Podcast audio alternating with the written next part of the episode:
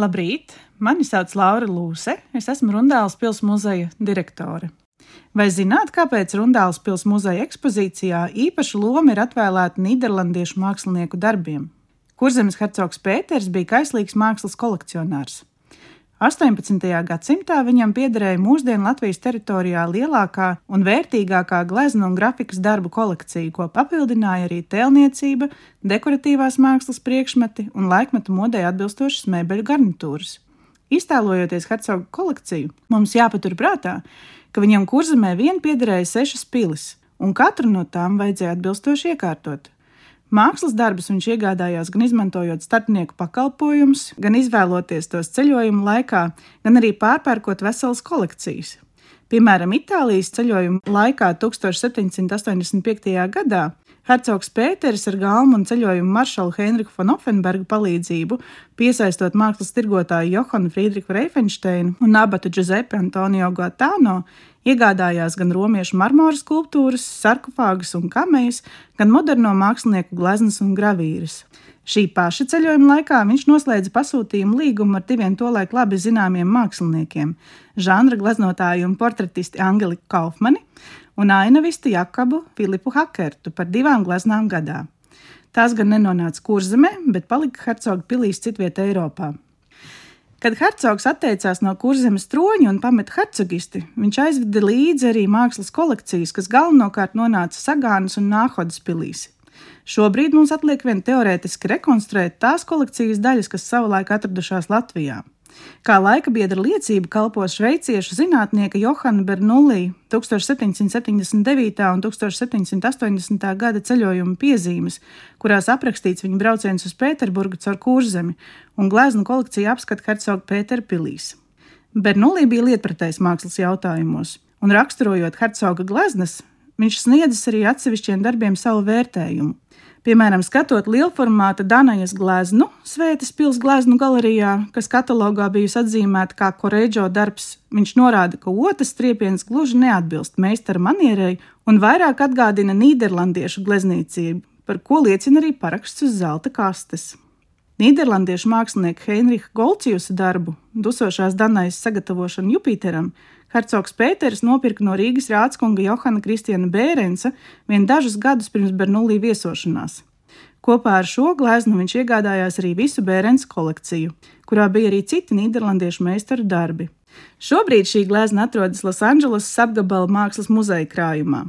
Mēs varētu vēlēties, lai Bernulī līdzīgā manierē būtu pastāstījis arī par Rundāles pilī sastopamajiem darbiem, bet diemžēl šis brauciens viņam izpalika jo hercogs pats tobrīd uzturējās Rundālē. Atzīmēts vienīgi, ka Rundāls pilī bijusi plaša holandiešu mākslinieku gleznu kolekcija. Šī norāde hercoga Pētera pēcnāvas gleznu kolekcijas inventārs no Sagānas pils un viņa pēcnācēju kolekcijas vēlāk, kā arī liecības par hercoga gaumi kopumā, noteica to, kādā veidā tika komplektēta Rundāls pils muzeja gleznu kolekcija. Jāprecizē, ka runājot par holandiešu mākslas kolekcionēšanu 18. gadsimtā, tiek domāts Nīderlandes glezniecības ziedu laiks 17. gadsimtā, kad līdzās tādiem mākslas vēsturē labi zināmiem vārdiem kā Frants Hals, Rembrandts van Reins, Jans Stēns, Jans Vermērs, kura tēmu diapazons bija plašāks, darbojās vēl simtiem citi labi meistari, kuri izkopa kādu konkrētu sižeta glezniecību un kurus vienopus mēdz dēvēt arī par mazajiem holandiešiem. Viņi lielākoties gleznoja lauku, pilsētu un ūdens ainavas, klusās dabas, jeb brokastis un sadzīves ainas interjerā. Sižeti varēja būt gan skicēti no dabas, gan mākslinieka iztēles auglis. Saskaņā ar tā laika mākslas teoriju, cilvēka heroisks vai morāls atveidojums, proti vēsturiskā vai reliģiskā žanra glezniecība, tika uzskatīts par augstāko mākslas vērtību. Žanru hierarhijā ainava un klusā daba atradās pašā apakšā. Tomēr tas nesaskanēja ar kolekcionāru gaumi, kuri ļoti labprāt pirka tieši šādus darbus. Hercoga Pētera kolekcijā ir bijuši gan atsevišķi šedevri, gan virkne neidentificētu mākslinieku darbu. Starp šedevriem noteikti jāatzīmē Rembrandta glezna Simons un Anna Templī, kā arī Janas Tēna darbs Tēva prieks. Abi šie darbi šobrīd atrodas Hamburgas kunsthalas krājumā. Savukārt no mazajiem holandiešiem, kuri specializējās noteiktā žanrā un bija pārstāvēti Hercoga kolekcijā, jāizceļ ainavists un veikls zirgu gleznotājs Filips Vauvermans ar gleznu zirga apkalšanu pie ciemas mēdes, kas tagad ir Nacionālajā galerijā Londonā. Tāpat arī ainavists Jans Van Gojens ar gleznu dzirnavas pie Utrehtas, kas atrodas Leipzigas mākslas galerijā.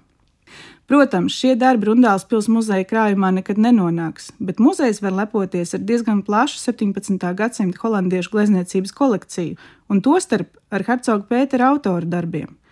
Muzejā ir gan Filips Vauvermana glezna tirgotāju ostā, gan arī 2020. gadā Šveices izsoļnamā kolera iegādātā Jana Van Gojena glezna upes ainava ar skatu uz Amerongenu. Telpā ar holandiešu gleznām šobrīd ir eksponētas 37 gleznas, bet vēl vairāk nīderlandiešu mākslinieku, tostarp hercogam reiz piederējušu autoru darbu, ir izvietotas citās pamatekspozīcijas telpās, lai radītu sajūtu, ka Rundāles pilī plaši pārstāvēta ir tieši šī glezniecības skola.